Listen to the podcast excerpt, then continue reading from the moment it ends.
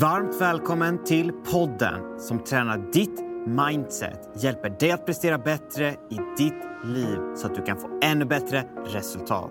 Varmt välkommen till Mindset-vitaminer med mig, Marcus Starkensjö.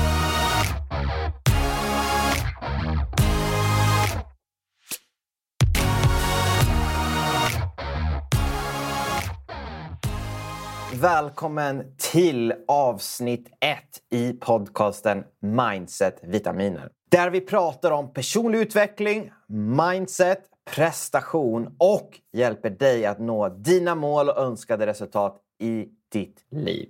För när det kommer till oss människor så finns det tre saker som vi kan träna på. Vi kan träna upp våra färdigheter i olika roller i våra liv. Vi kan träna våra kroppar i form av muskler, kondition och vi kan träna våra mindset. Och om du inte tränar på det sistnämnda så kommer du inte ens skrapa på ytan av din verkliga potential. Därför ska du lyssna på Mindset-vitaminer.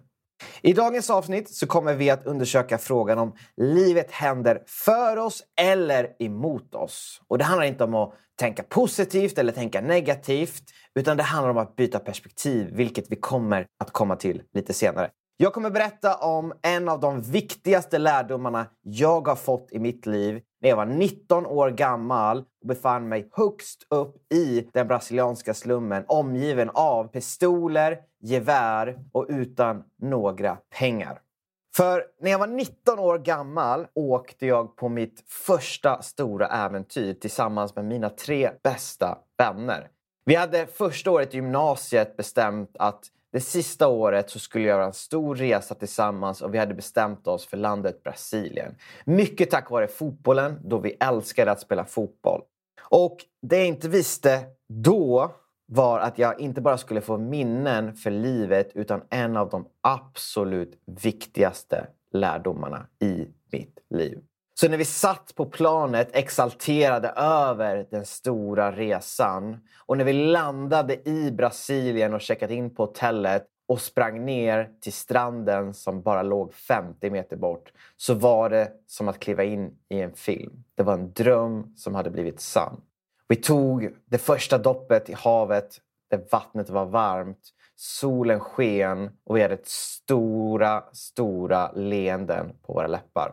Vi började ta fram en fotboll och började spela tillsammans. Och efter en liten stund så kom ett par brasilianare fram och frågade ifall vi skulle spela match. Och där på stranden satte vi upp några t-shirtar som mål och spelade match emot varandra. Och det här fortsatte flera dagar och efter ett par dagar så frågade de här brasilianerna oss ifall vi ville spela en riktig match. Och vi frågade vad, vad menar ni? Nej, men i Brasilien har vi någonting som heter futsal där vi spelar fem mot fem på en liten plan med betonggolv och små mål, ungefär som handbollsmål. Så vi tackade ja till den inbjudan och på kvällen spelade vi vår första match mot ett brasilianskt lag. Det gick väldigt, väldigt bra. Eftersom vi var goda vänner så var vi väldigt samspelta och dessutom så var min vän målvakt och nästan två meter lång så i det lilla målet så stoppade han i princip alla skott som kom emot honom. Och vi fortsatte att spela match efter match och till slut så frågade de oss om vi ville spela en match högst upp i favelan. Och när man reser till Brasilien så är det ett av de första råden man får att gå inte närheten av favellan. Favellan är slumområdet liknande där det är en väldigt hög kriminalitet, det är mycket droger och många gånger vågar inte ens den brasilianska polisen att gå in dit. Så vi hade ett möte på kvällen där vi diskuterade fram och tillbaka. Hur ska vi göra? Ska vi spela matchen eller inte? Efter en liten stund så sa jag, vi måste spela. Det här är en chans som vi inte kommer att få igen i livet. Och de har sagt att det är ingen fara, de kommer ta hand om oss. Så två dagar senare så var det dags. Våra brasilianska vänner sa åt oss, lämna allt ni äger på hotellet. Ta inte med er några pengar, ta inte med er någon kamera, ta inte med er någon telefon överhuvudtaget och möt oss här klockan sex. Och innan det här så hade jag spelat flera stora matcher i mitt liv. Viktiga matcher. Men jag tror aldrig jag hade varit så här nervös tidigare. Så vi mötte upp våra brasilianska vänner utan plånbok, utan pengar, utan mobil och utan telefon. Och började att gå emot den brasilianska favellan. Jag kände hur svetten rann ner. Inte bara av värmen utan över den stora nervositeten. Vad skulle hända? Skulle vi komma hem levande? Vad skulle hända? Och vi gick upp mot favellan och vi skrattade tillsammans och de försökte få oss att slappna av. Och plötsligt när jag gick upp runt hörnet så får jag en pistol riktad emot mig. Jag låg några meter före de andra och det var en av vakterna som vaktade favellan som undrade vem jag var.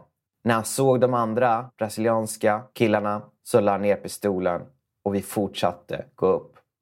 Vi mötte vakt efter vakt som stod med stora skarpladdade gevär innan vi till slut var uppe högst upp i favellan. Det var en stor folksamling med människor för det hade gått rykten om att svenskarna skulle komma högst upp till favellan. Vi gick in på planen och började värma upp och helt plötsligt så var matchen igång.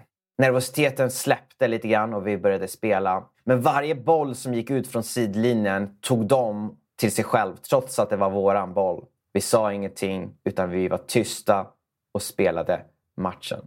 Efter en liten stund så gör de 1-0 och vi ligger under matchen.